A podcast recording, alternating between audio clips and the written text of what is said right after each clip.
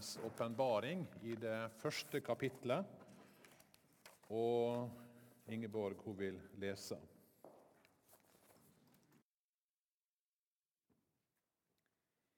Ja, jeg skal altså lese fra Johannes' åpenbaring i kapittel 1, vers 9-20. Jeg, Johannes, som er deres bror, og sammen med dere har del i trengslene og riket og utholdenheten i Jesus. Jeg var på øya Patmos. Dit var jeg kommet på grunn av Guds ord og vitnesbyrd om Jesus. På Herrens dag kom Ånden over meg, og jeg hørte en røst bak meg, mektig som en basun. Røsten sa, Det du skal få se, eh, skal du skrive i en bok og sende til de sju menighetene til Efesos og Smyrna, Pergamon, Tyatiria, Sardes, Philadelphia og Laudikea. Jeg snudde meg for å se hvem som talte til meg. Da så jeg sju lysestaker av gull, og midt mellom lysestakene en som var lik en menneskesønn, kledd i en fotsid kjortel og med et belte av gull om brystet. Hodet og håret hans var hvitt som ull eller som snø. Øynene var som flammende ild. Føttene som bronse glødet i en ovn. Og røsten var som bruse av veldige vannmasser. I høyre hånd holdt han sju stjerner, og fra munnen gikk det ut et skarpt, tveegget sverd. Ansiktet var som solen når den skinner i all sin kraft. Da jeg så han, falt jeg som død ned for føttene hans. Men han la sin høyre hånd på meg og sa, Frykt ikke. Jeg er den første og den siste og den levende. Jeg var død, men se, jeg lever i all evighet og jeg har nøklene til døden og dødsriket. Skriv derfor ned det du har sett, det som er nå, og det som skal komme heretter. Dette er hemmeligheten med de sju stjernene som du så i min høyre hånd, og de syv lysestakene av gull. De sju stjernene er englene for de sju menighetene, og de sju lysestakene er de sju menighetene.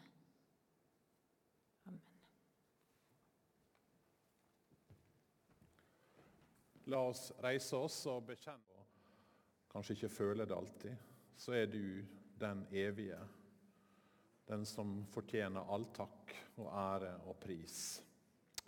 Og Nå ber jeg at du skal møte oss gjennom ordet ditt og gjennom det som du vil tale til oss i dag. Åpne opp våre hjerter, Jesus, for deg. Amen. I to år nå så har vi holdt på med tidslinja fra begynnelsen av Bibelen til slutten av Bibelen. Og Vi begynte på første bladet i første Mosebok, og nå er vi kommet til den siste boka i Bibelen, Johannes' åpenbaring. Det er nesten litt rart, to år med tidslinja. Jeg syns det har vært spennende. Det har vært spennende å se Guds plan Guds frelsesplan gjennom historia på denne måten som vi har fått lov til å gjøre det når vi har sett så langt perspektiv. Vi starta med at Gud skapte, og vi slutta i Johannes' åpenbaring med at Gud nyskaper, gjenskaper sitt skaperverk slik som det skulle være. Vi starta i paradis, og vi enda i paradis.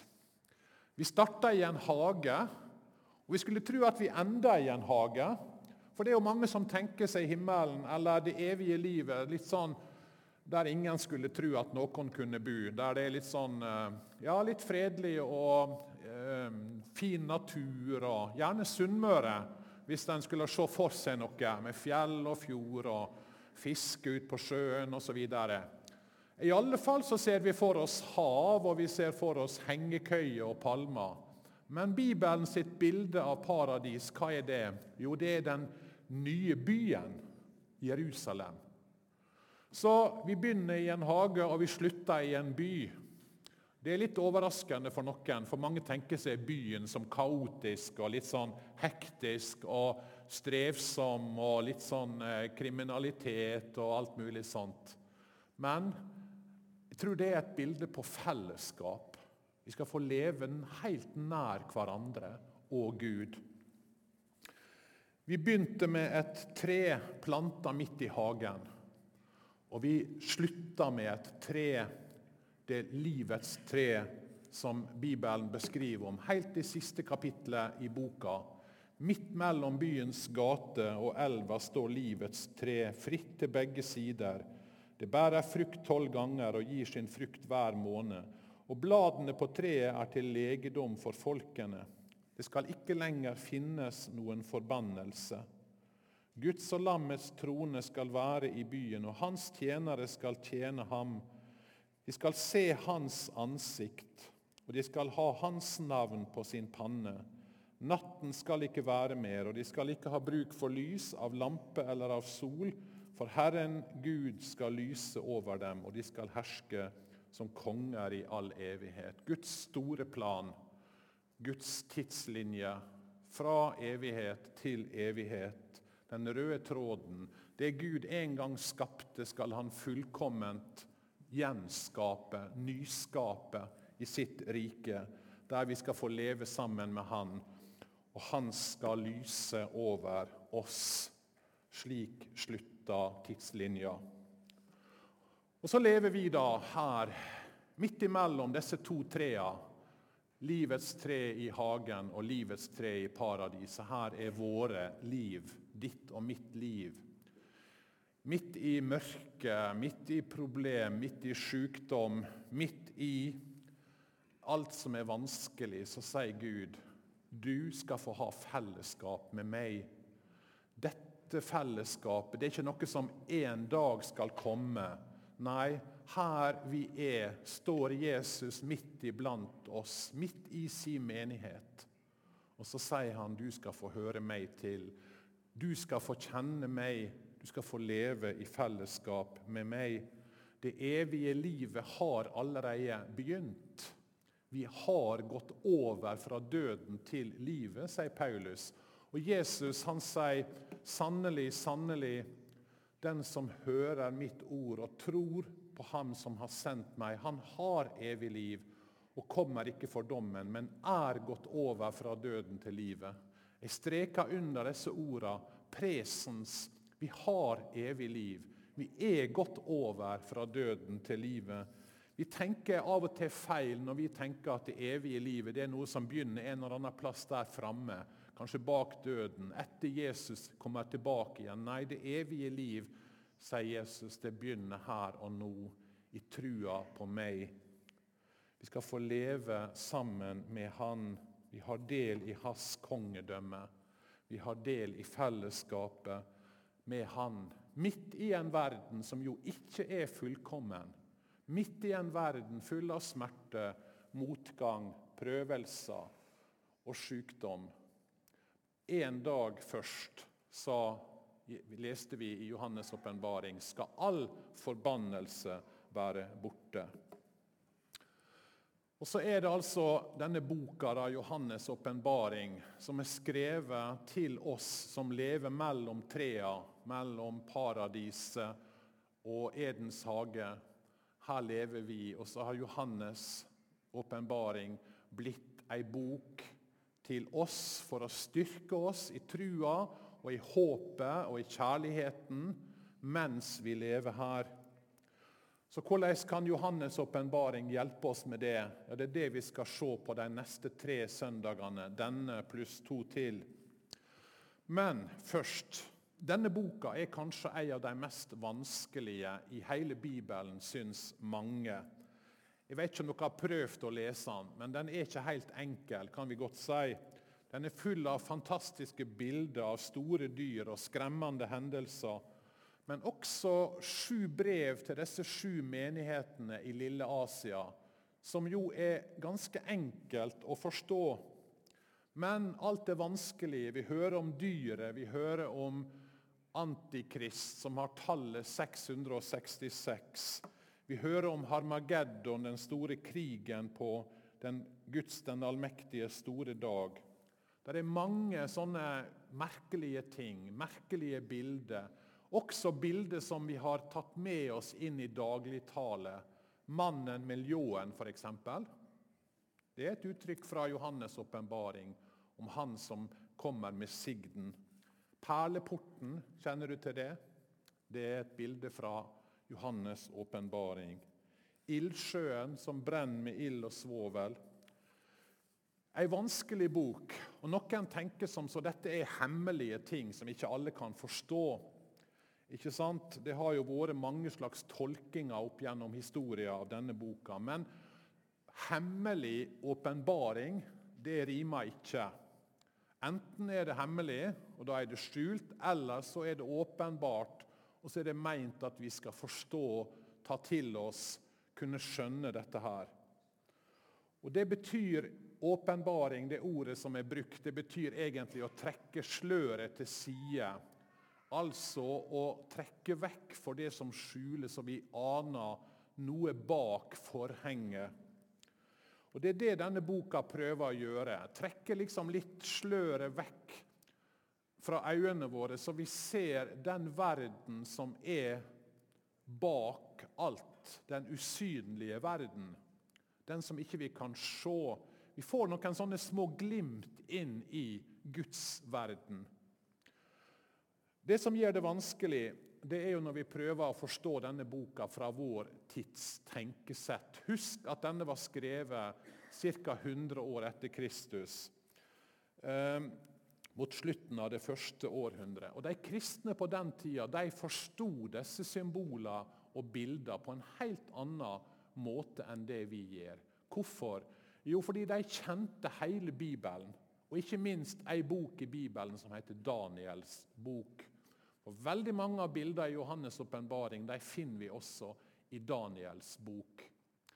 Så å forstå denne boka handler jo også om å forstå hele Bibelen, hele sammenhengen, kjenne til profetiene osv. Det gjør det veldig mye lettere. Kjenner vi Daniels bok, er det lettere å forstå Johannes' åpenbaring. Og Da er vi også med et viktig prinsipp i det å lese Bibelen, nemlig at Bibelen skal tolkes først og fremst ut fra seg sjøl. Ut fra det andre som er skrevet i Bibelen. Og Da blir det også enklere å ikke blande inn EU eh, e eller eh, paven eller eh, stridsvogner eller Russland eller alle disse tingene som folk har prøvd å gjøre med Johannes' åpenbaring. Heller prøve å si hva er det som trekkes litt til side, så vi kan se? Og Johannes, hvem er han? Jo, det er disippelen Johannes. Han er nå gammel. Vi skal huske på at keiser Nero han begynte å forfølge de kristne. Han var keiser rundt 50-60-tallet. Da begynte han å forfølge de kristne. og Det ble trengselstider. Men når keiser Domitian kom i 81 så ble ting mye, mye verre. For Domitian han gjennomførte denne forfølgelsen enda mer brutalt og omfattende enn noen tidligere keisere hadde gjort. Han oppnevnte seg sjøl til Gud og forlangte at alle i Romerriket skulle tilbe han som Gud. Dere kan jo bare ane hva det betydde for de kristne. Det kunne de ikke. Dermed ble de fengsla, torturert, forvist. Til og med sin egen kone, som ble kristen, forviste Domitian. Kan godt hende han var lei av henne og tenkte det var en grei måte å bli kvitt henne på. Men det forteller noe om en brutal keiser. Hvorfor ble ikke Johannes drept i dette? her? kan godt hende at Johannes som en av Jesu disipler var så anerkjent og så berømt på en måte at det var vanskelig for Domitian å drepe han. Derimot så forviste han han til øya Patmos, som ligger ute i Egeerhavet. Ei klippeøy eh, ca. sju mil vest for Tyrkia. ligger denne lille øya ute i havet. Og Der ute på Patmos er det at Johannes på Herrens dag får et syn som han formidler til oss i denne boka. Så Denne boka er ikke Johannes sitt syn eller Johannes sine tanker omkring endetida. Nei, det er ei åpenbaring fra Gud som han formidler.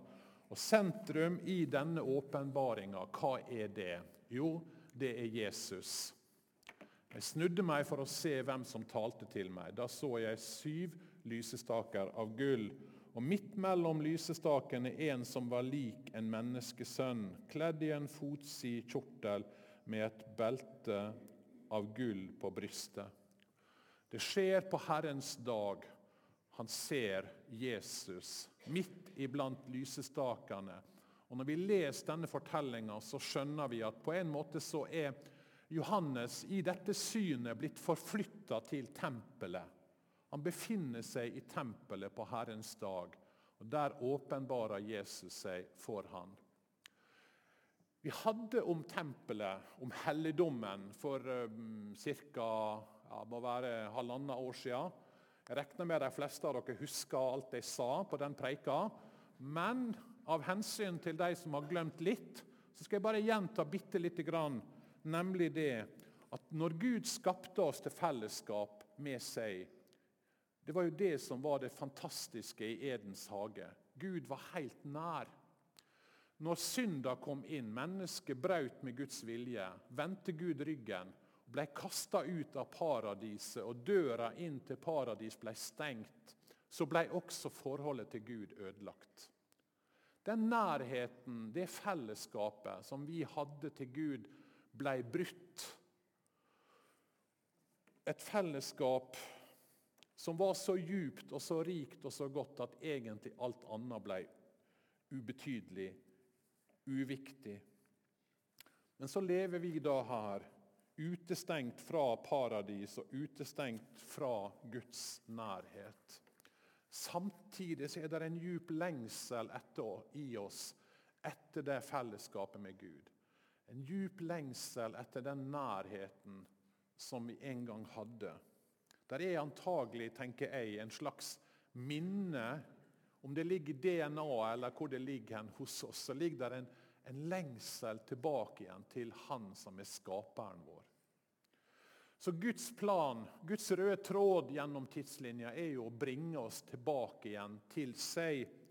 Og Etter utferden fra Egypt i Sinai-ørkenen der får vi på en måte høre om Guds nærhet til sitt folk, israelsfolket.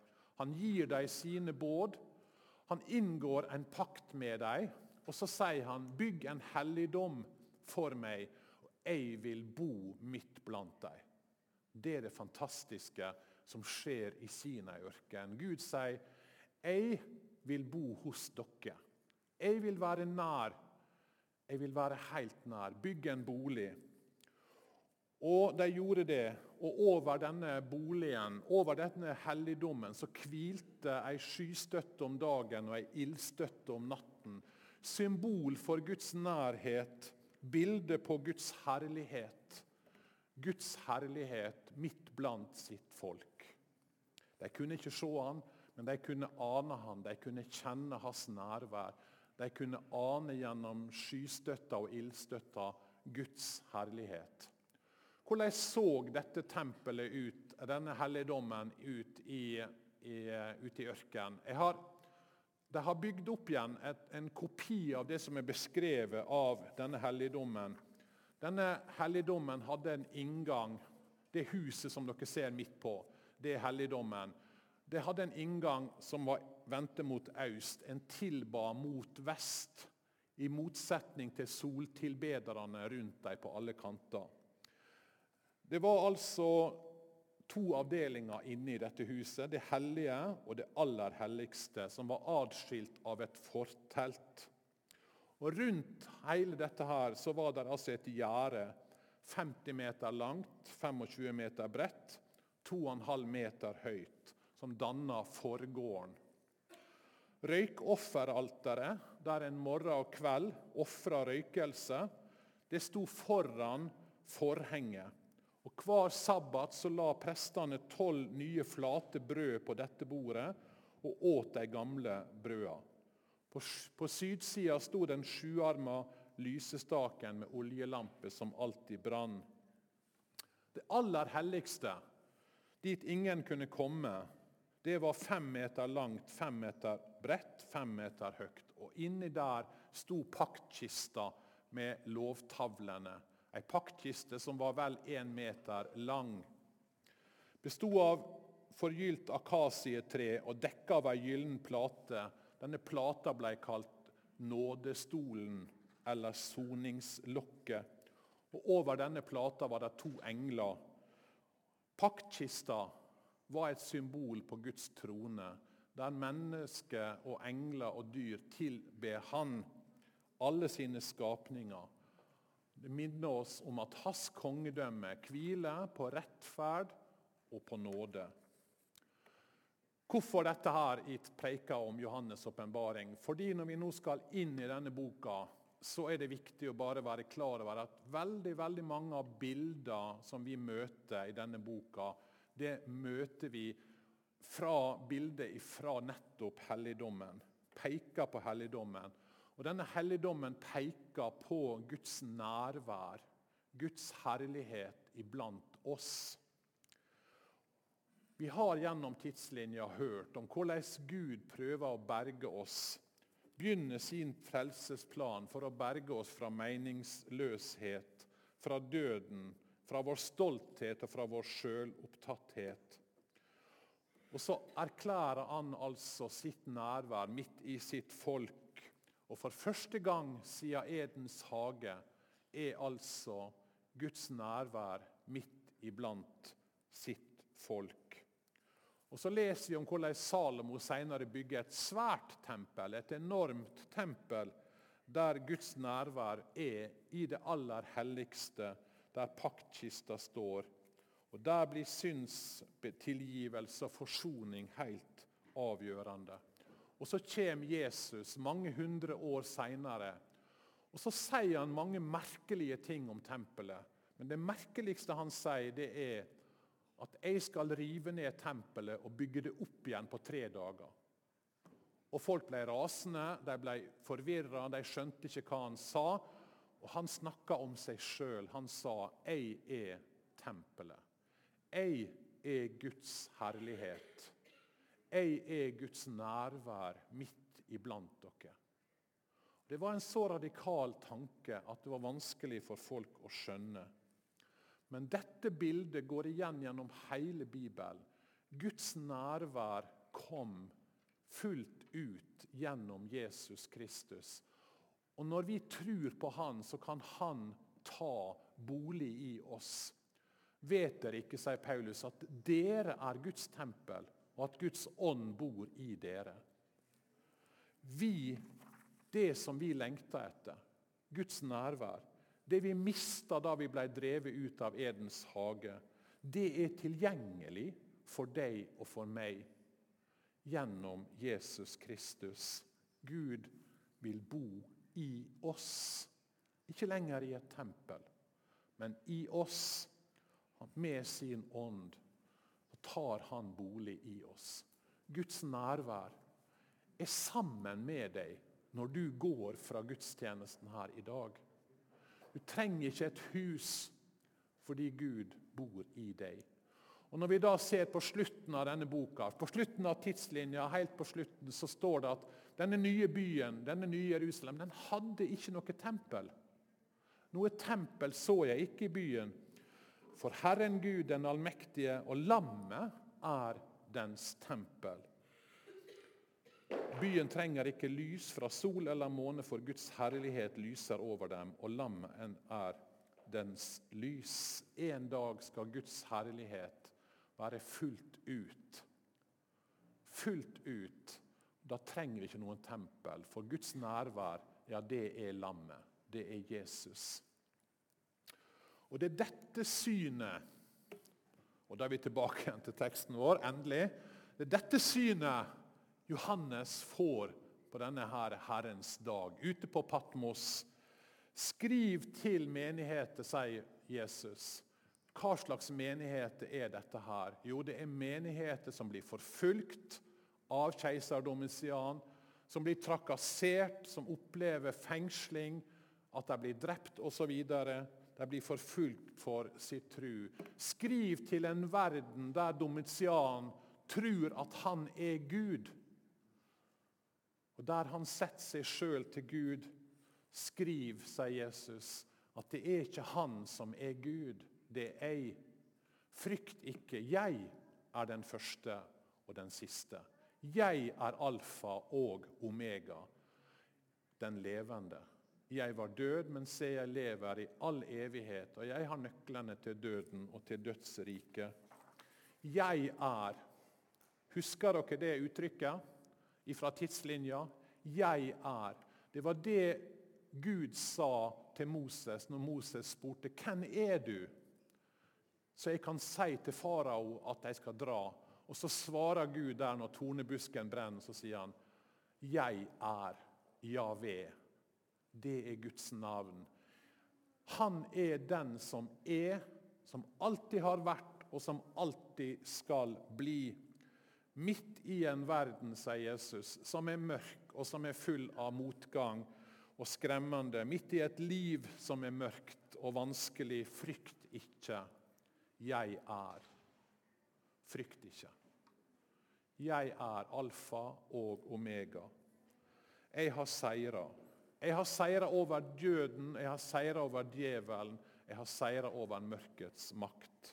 Og Dette budskapet hadde en enorm sprengkraft i den første kristne menighet. Midt i forfølgelse og fengsling, frykt ikke, det budskapet hadde en enorm sprengkraft, slik at de kristne kunne tåle forfølgelse. Der er en historie om en av kirkefedrene, Krysostemus. Han sto for retten, og dommeren trua han med landsforvisning. Hva svarte Krysostemus? Du kan ikke landsformise meg, for hele jorden hører Herren til. Jeg kan få deg drept, sa dommeren. Det kan du ikke, svarte Krustostemus, for mitt liv er skjult med Kristus i Gud. Nå vel, jeg kan ta fra deg all din eiendom.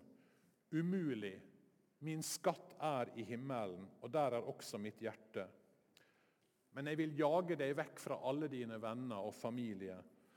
Nå ja, sa Krysostemus, jeg har en venn i himmelen. Han kan du ikke jage meg bort fra, så du kan ikke skade meg budskapet fra Jesus, alfa og omega, den levende, frykt ikke, hadde en enorm trøst, sprengkraft, til frimodighet midt i denne verden.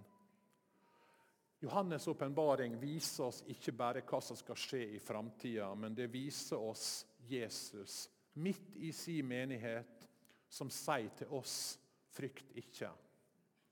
Jeg har nøklene til døden og til dødsriket. Denne boka tar oss på en måte litt inn i den usynlige verden og viser oss hvem som virkelig er konge.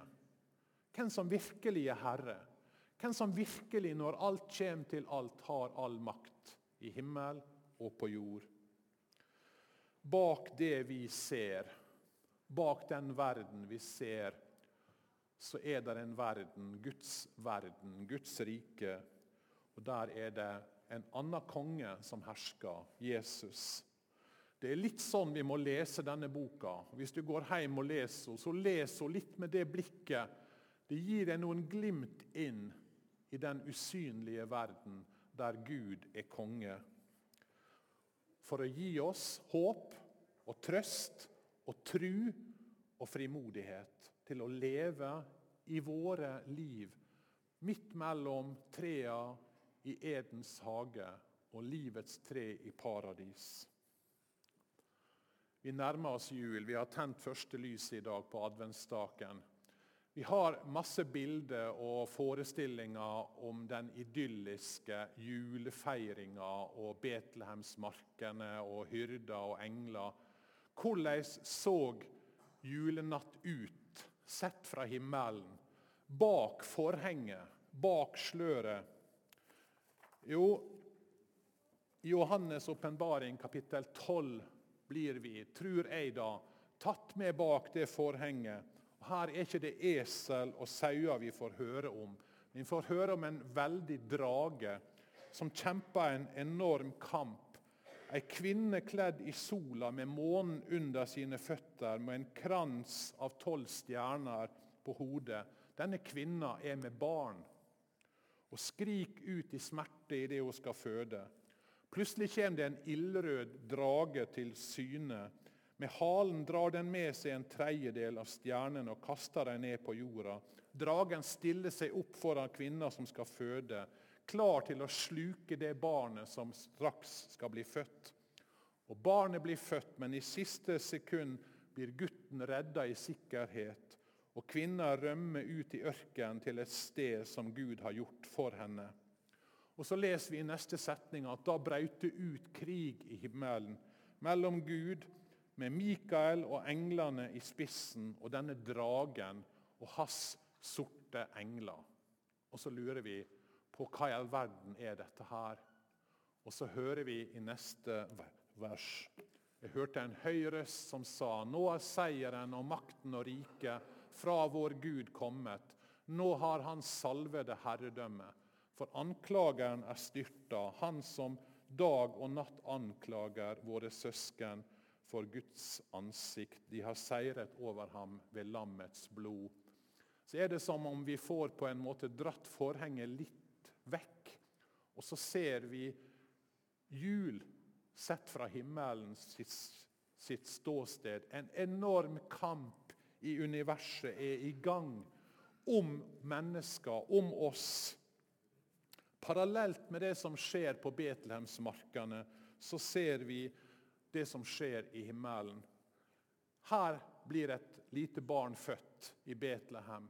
Herodes prøver å drepe barnet. Barnet og mora må flykte til Egypt. I himmelen er det en kamp på gang, en invasjon på gang, der Gud og hans engler drar ut i krig mot alle mørkets krefter. Julenatt er ikke idyll, det er ikke fred. Det er Guds krig mot vondskapens ånde her, og mot alt det vonde i vår verden.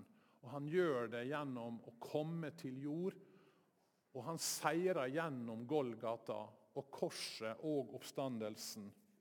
Engleskaren over Betlehem sang ikke fordi det var så søtt og så vakkert. Nei, de sang av bunnløs glede over at seieren er vunnet.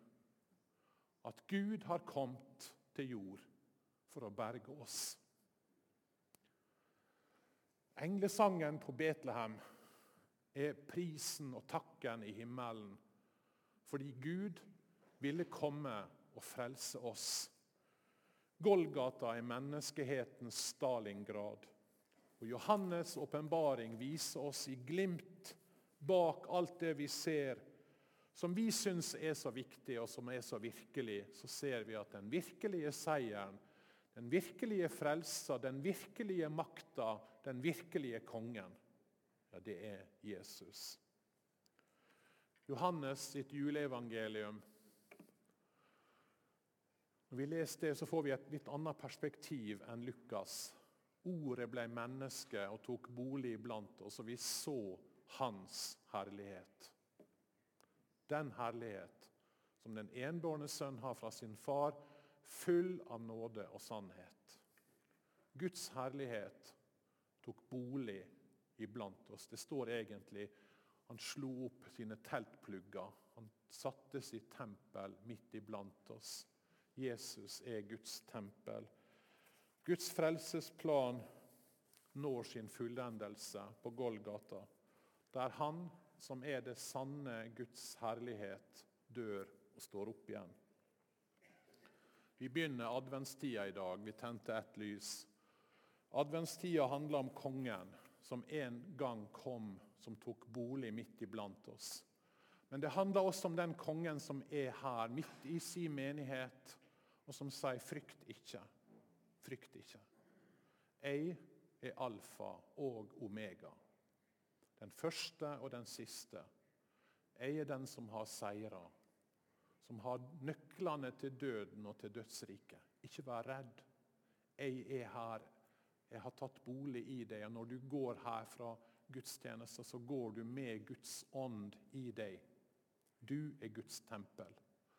Og Så sier han en dag skal jeg komme tilbake igjen. Da skal mitt rike fullt ut bli synlig, gjenopprette alt. Han skal være i himmelen inntil den tid kommer da alt det gjenopprettes som Gud har talt om fra eldgamle dager gjennom sine hellige profeter. En dag, sier Gud, så skal jeg gjenopprette min falne verden. Da skal mitt nærvær være der fullt ut. Denne kongen som vil være din konge. Denne kongen som vil være din konge og min konge. Og Hvis ikke du har tatt imot han som din konge, så gjør det i dag. For det å høre han til, det å høre den sanne, den virkelige kongen til. Jesus, vi takker deg for det at du kom med ditt nærvær midt iblant oss, midt inne i vårt mørke, midt inn i vår verden som er så full av motgang, problem, vanskeligheter. Så sier du, 'Jeg er alfa'. Jeg er omega, den første og den siste. Så ber vi her om at vi skal få lov å ta imot deg på nytt denne dagen. Som vår konge i våre liv.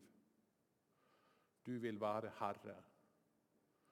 Takker deg for at du kommer, hver enkelt en av oss, og sier vi skal få høre til hos deg. Amen.